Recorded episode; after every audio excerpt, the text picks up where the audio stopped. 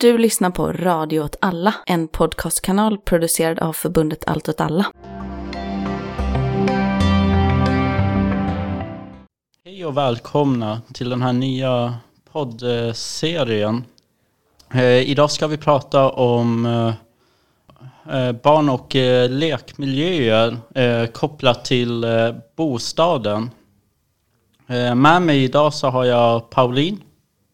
Eh, och eh, ja, vi ska börja prata lite om dig Pauline. Eh, vem, vi kan ju börja med eh, vem du är. Ja, jag är ursprungligen från Linköping och sen så har jag bott i Malmö sedan 2011. Och min bakgrund är att jag har en kandidatexamen i fysisk planering från BTH, Blekinge Tekniska Högskola i Karlskrona. Och sen så har jag en mastersexamen i landskapsarkitektur från SLU Alnarp. Och däremellan har jag även jobbat med stadsplaneringen på en mindre och en större kommun. Men du har skrivit en uh, masteruppsats nyligen Ja. eh, som har, ju, eh, har varit inriktade på barn och deras lekmiljöer. Eh, men hur kom du att intressera dig för ja, men barn kopplat till samhällsplanering? Ja, men allt började med en eh, gästföreläsning nu på Alnarp av en forskare som heter Maria Kjellin. Så pratade hon om barnfrågor kopplat till den fysiska miljön. Eh, och så minns jag bland annat att hon visade ett exempel på en studie från Sheffield hur eh, barns rörelsefrihet har minskat ja, de senaste decennierna. Och då så tog hon som exempel att ett barn på 1950-talet kunde röra sig ungefär en och en halv kilometer fritt genom staden själv. På 70-talet så minskade detta till 800 meter och år 2010 så låg det på omkring 300 meter. Och kort därefter så var det dags att söka nya kurser och då valde jag att söka en kurs som handlade om barn och unga i stadsrummet. Och under den kursen så blev jag själv gravid vilket förstärkte mitt intresse. Och efter föräldraledigheten så var det nu dags att skriva masteruppsats och då valde jag att fokusera på bostadsgårdens lekmiljö som är ett ganska outforskat ämne. Eh, men ja, vi kan ju hoppa in på ämnet för den här podden. Och då så tänkte vi, för som jag upplevde när jag läste in eh, masteruppsats, det var ju att det fanns två parallella spår. Dels vad vi kan kalla samhällssyn på barn och sen så ett annat spår som handlar mer om stadsutveckling och eh, tillkomsten av de här bostadsgårdarna. Eh, men vi kan börja och, och prata om samhällets syn på barn. För den, den har ju förändrats sedan början av eh, 1900-talet, om jag inte misstar mig. Ja, men precis. Man brukar säga att eh, alltså barnfrågor stort utvecklades under 1900-talet och att tidigare så betraktades barn som små vuxna och då fanns det ingen anledning att se till barns eh, särskilda behov eller förutsättningar. Eh, men inom stadsplaneringen så är barn en väldigt lågt prioriterad grupp.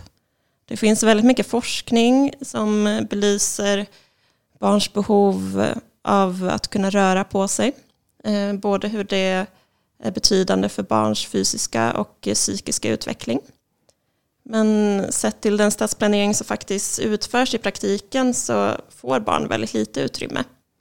Det beror på faktorer som förtätningsprocesser, en ökad trafik och större oro överlag bland föräldrar. Ehm, och det har gjort att barn idag har väldigt få platser att röra sig på, men också väldigt få platser dit de kan ta sig själva. Ofta så är de liksom hänvisade till särskilda platser, som till exempel lekplatser eller parker. Men även de här platserna minskar utrymme. Ja, men just de här, ja men just platser som parker och eh, ja men fr- framförallt lekplatser. Det är väl det som man också kan kalla för en lekmiljö. Ja, en lekmiljö är ett ganska vitt begrepp. Jag tror att man använder sig av det för att komma ifrån just lekplatser för att Mm. det är starkt förknippat med en viss typ av utemiljö där det oftast finns klassisk lekutrustning eller så fast lekutrustning som en sandlåda och kanske en rutschkana. Mm. Medan lekmiljöer kan lika gärna vara parken eller skogen eller en ödetomt till Mm. exempel. Men hur, men hur har de här platserna för barn utvecklats under ja, 1900-talet fram tills nu? Ja, det började ändå ja, men tidigt 1900-tal så ser man exempel på liksom en barninriktad Mm. stadsplanering. Och, eh, men sen så har det ju varierat beroende på rådande stadsbyggnadsideal. Mm. Går vi tillbaka till efterkrigstidens planering till exempel så stod barnfamiljen i fokus och utemiljöer var starkt förknippade med rekreation och en folkhälsa överlag.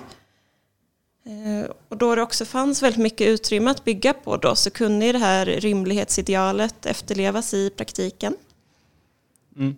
Eh, Så då var det tydlig fokus på lekmiljöer i den bostadsnära utemiljön. Och sen så på 1960 och 70-talet så var det politiska intresset för barnfrågor väldigt stort. Både, Nej, ja, var det större än idag? ja, helt klart. Eh, Okej. Det fanns bland annat en myndighet som, heter barn, eller som hette Barnombudsmannen. Ja. Den fanns fram till 1993. Mm. eh, som jobbade med eh, frågor som rörde barns utemiljöer. Och sen så gjordes också många utredningar som behandlade de här frågorna. Men det här rimlighetsidealet kom senare att eh, ifrågasättas under slutet av 1970-talet. Eh, Det kan man säga är, eh, har att göra med miljonprogrammet och att det inte längre rådde en bostadsbrist eller en trångboddhet. Som, och då så började istället det här rimlighetsidealet betraktas som ett hinder för att uppnå stadsmässighet. Mm. Mm. Ja, men det är lite som ja, men bostadsplaneringen i stort. Ja, precis. Miljonprogrammen bara ifrågasattes väldigt vitt och brett. Ja, jo men alltså barnfrågor i utemiljön är ändå en politisk fråga så det är klart att den har speglat den rå- rådande bostadspolitiken. Men om vi då tar det andra spåret, eh, bostadsgården. Eh, för det är inte någonting vi alltid har haft, som jag har fattat det. Nej, utan bostadsgården enligt en forskare som heter Eva Kristensson som har då forskat om bostadsgårdar eh, så utvecklades bostadsgården på 1800-talet av eh, stadsplanerare. Och syftet med bostadsgården var att komma till bukt med eh, sanitära problem som fanns i industristaden och att skapa mer hälsosamma levnadsmiljöer. Och sedan så fick bostadsgården en mer allmän spridning under 1920-talet. Mm.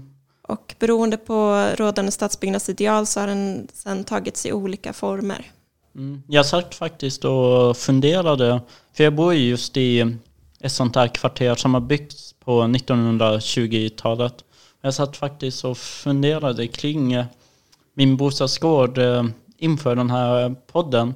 Eller snarare, jag satt och funderade på hur folk eh, bodde tidigare. Och så försökte jag googla på kartor från 1800-1700-talet. Eh, Men, men då så var det mest att man bara hade ritat fyrkanter för alla hus. Det gick liksom inte att se om det. Jag vet inte, eller så här fanns det inte bara bostadsgårdar. eh, Alltså att folk bara gick rakt ut på gatan från huset. Ja, jag vet heller inte riktigt. Det var ju den här tiden när gårdarna var någon form av toalett också med Ja. utedass och så. Ja, och det, det var väl här på Möllan var det väl fram till någon gång in på början av 2000-talet. Innan den, det sista utedasset eh, rövs. Nej, vad roligt. Ja. Vet du vart det fanns någonstans? Eh, nej, jag vet inte exakt, men jag gissar någonstans in i liksom, ja men eh, den väldiga mitten av Möllan. Ja. Kanske bort mot typ det gamla, alltså Kristianstadsgatan aktigt hållet. Ja. Ja, det hade ändå varit en, ett roligt tema för en stadsvandring. Ja. Kul om det är den gården där det är till exempel dubbel-dubbel eller någon sån fin verksamhet finns det. Höll man på detta under hela liksom 1900-talet eller fanns det liksom eh, någon brytpunkt innan det blev den här kritiken mot rymligheten? Eh, ja, alltså, som du sa så på 1920-talet så var det en vanlig form med bostadsgårdar i så kallade storgårdskvarter. Och sen i och med modernismen så blev det vanligare med öppna kvarterstrukturer och då bostadsgårdar som tillhörde byggnationen. Mm. Eh, och likadant, eh, det här är gårdar som man kan kalla för folkhemsgårdar där man prioriterar, ja, men där rimlighet är ett tydligt ideal och att man ser ett värde i en bostadsgård som ett uterum för de boende och att främja en gemenskap bland de boende. Mm.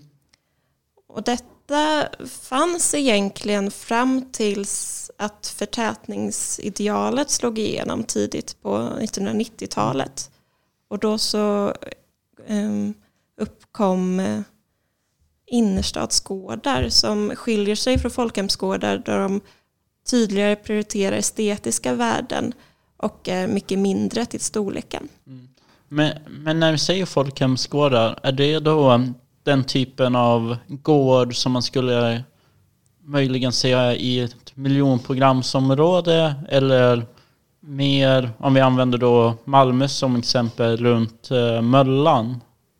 Alltså den eh, kvart, där man har liksom ett hus som är ut mot gatan i kvarteret och sen är innergården i mitten. Eh, egentligen så är det inte beroende av byggnadsstruktur utan det handlar mer om storleken på gården. Mm. Att, den, att man prioriterar då funktionella värden framför estetiska. Så mm. det kan te sig både i miljöprogramsområden där gården oftast har mer parkliknande karaktär eller i storgårdskvarter där det är inhägnat av byggnader. Hur kommer det sig att du valde fokusera på bostadsgårdar i din uppsats? Ja, men dels så nu när jag har läst de här eh, tidigare kurserna som rör eh, barn och unga i stadsrummet så har jag märkt att det läggs inget fokus alls på bostadsgårdens, varken bostadsgårdens existens eller dess utformning. Mm. Och sen så är jag medveten om att det finns en väldigt svag eh, lagstiftning i plan och bygglagen gällande bostadsgårdar och eh, barns friyta, alltså utrymmet barn har att röra sig på. Va, vad säger lagstiftningen? Den säger att eh, barn ska ha tillgång till en tillräckligt stor friyta i anslutning till skolor, bostäder och fritidshem. Så tillräckligt stor är ju helt klart en tolkningsfråga och kan i vissa fall tolkas som inget utrymme alls. Ja, det är ju väldigt luddigt. Ja. Eh, men visst finns det ändå riktlinjer för skolor? Ja, Boverket bland annat har satt upp riktlinjer. Mm. Men det är ju som sagt inte juridiskt bindande. De har 40 eh, kvadratmeter för barn i förskola och 30 kvadratmeter friyta för barn i grundskola. Mm. Men ser vi till exempel på Malmö stads egna riktlinjer så är de nästan hälften så höga som Boverkets. Ja, det är ändå ganska sjukt. Ja. Och då så kommer jag också ihåg för ett år sedan eller två så vet jag att Andreas Schönström, ordförande i tekniska nämnden här i Malmö, mm. eh, la in en motion om att man skulle dra ner det, det värdet eh, till noll. Han ansåg att det var det enda sättet att kunna bygga skolor i innerstan. Helt enkelt att barnen bara inte har en fri yta. Ja. Vilket är ju en väldigt sjuk tanke när man tänker på det. Ja, oftast, eller dessvärre så kan ju sådana resonemang gå igenom också för att man då hänvisar barn till en närliggande park till exempel. Mm. Men eh, det är redan ett hårt tryck på stadens parker som även verksamheter ska samsas om de offentliga grönytorna så blir det inte så mycket grönyta kvar. Nej, och det blir ju, ja, men förutom att det bara blir mer slitage när det bara är mer användare på en och samma plats så blir det ju också mer konflikter. Ja. Vilket är ju väldigt tråkigt just för det går ju ut över barnen. Ja, det finns också en tydlig poäng just varför bostadsgården är viktig för att barn kan ta sig dit själva från bostaden. Mm. Och likadant så är det väldigt viktigt att det finns en gård just i direkt anslutning till skolan eller förskolan. Dels för att underlätta för personalen. Det blir inte att de tar sig till en park på samma sätt som de tar sig till sin gård. Men även för att liksom få ett flöde av ute och inne där man kan röra sig mer fritt. Ja, jag kommer ihåg eh, ett besök jag gjorde hos en vän uppe i Umeå i Eh, miljonprogramsområde, Ålidhem. Eh, då så, I hans kök så fanns det ett fönster nere eh, vid golvet. Och det var liksom för att man skulle ha, kunna ha en uppsyn över lekplatsen som var liksom på gården. Och det är ju liksom ett sätt för att föräldrarna ska kunna vara inne och dona och greja med olika saker. Och sen så ska man kunna ändå ha lite uppsikt på sitt barn. Ja, och det är jättebra. Och då om man jämför med barn som bor, eller som har turen kanske då att bo i en villa eller någon annan typ av eh, en familjs hus så har ju de en mycket större frihet att röra sig mellan ut och inne. Det är klart att barn som bor i flerbostadshus också ska ha det. Mm. Jo, det blir ju en väldigt tydlig klassdimension där. Ja, helt klart. Gå tillbaka till eh, de här olika typerna av miljöer för barn. Det är ju väldigt brett. Då så har vi ju den typiska lekplatsen, sen har vi ju bostadsgården. För, för det du har gjort i, i din uppsats, det är ju inte bara att beskriva en bostadsgården och hur stadsplanering kring barn har uppkommit.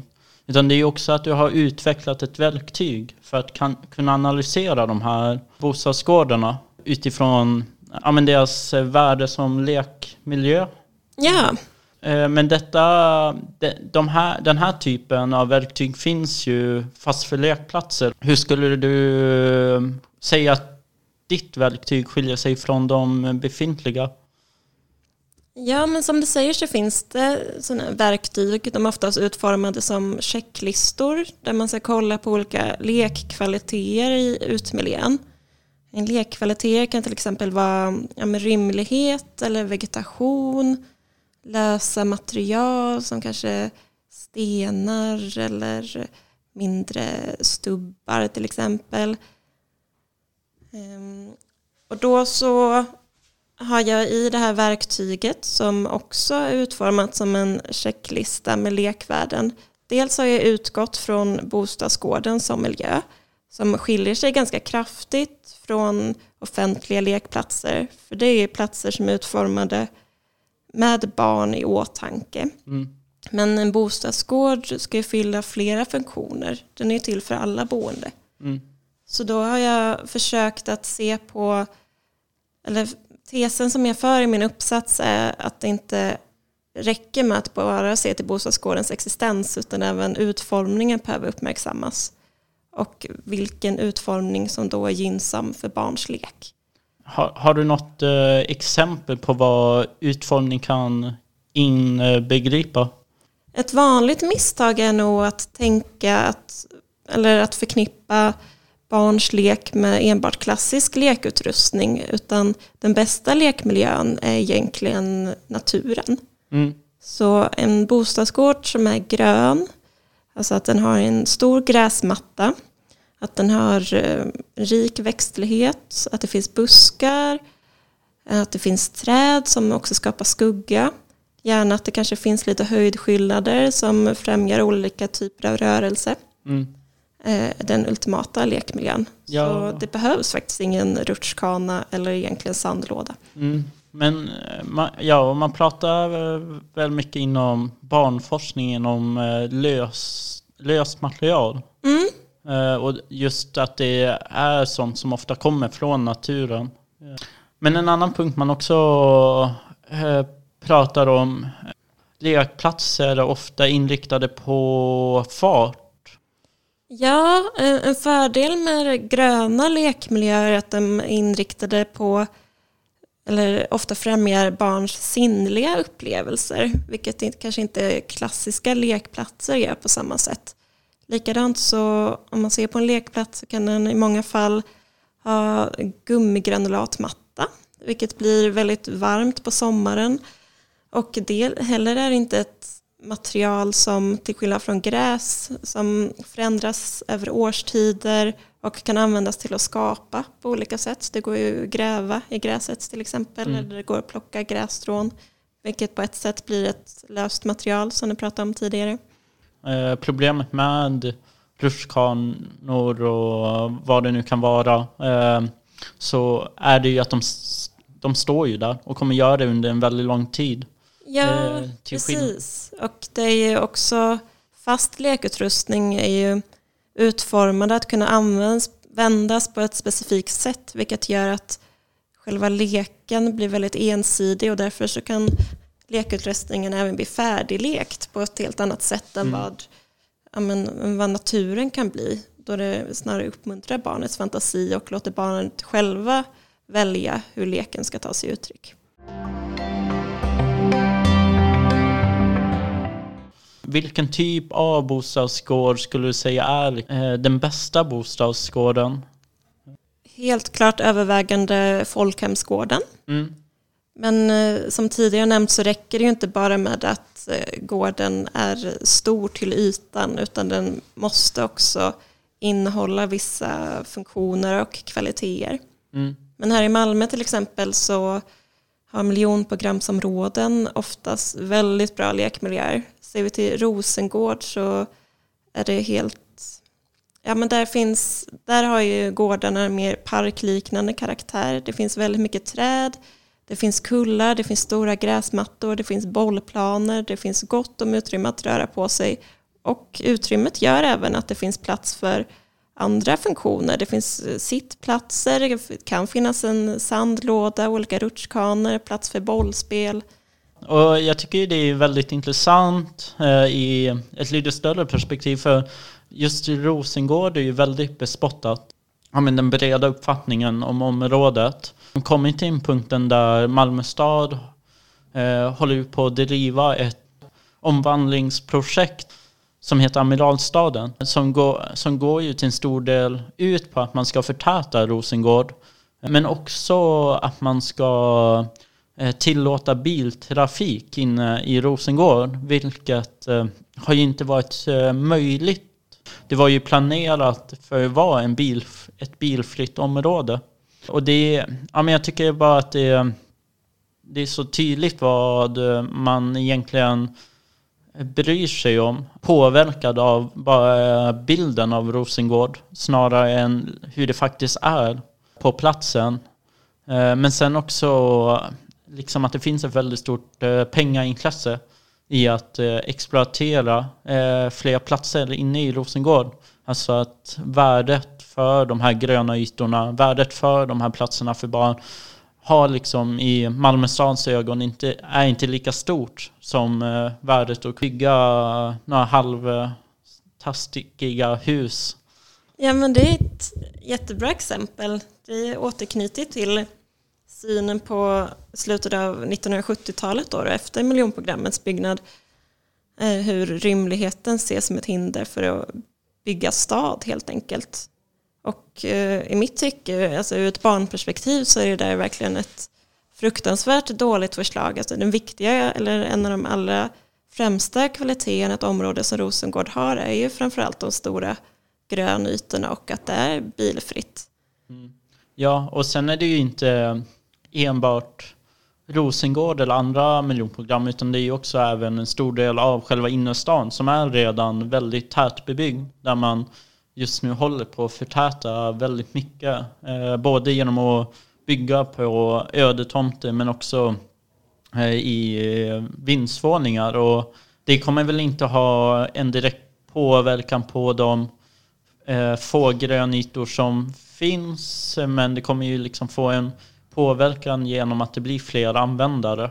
Ja, men även tänker jag, alltså när från början i flerbostadshus så var väl tanken ändå att förvaring av till exempel cyklar eller sophantering och så skulle finnas i själva byggnaden och bostadsgården skulle vara en plats för rekreation. Men i många fall så är bostadsgården idag bara en förvaring av, av det som jag nämnde.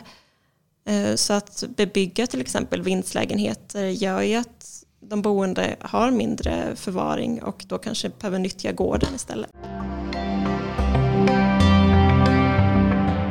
Men ja, det var allt för den här podden som eh, i, ja, i stunden inte har något namn. Men kanske till nästa avsnitt. Tack och hej. Tack.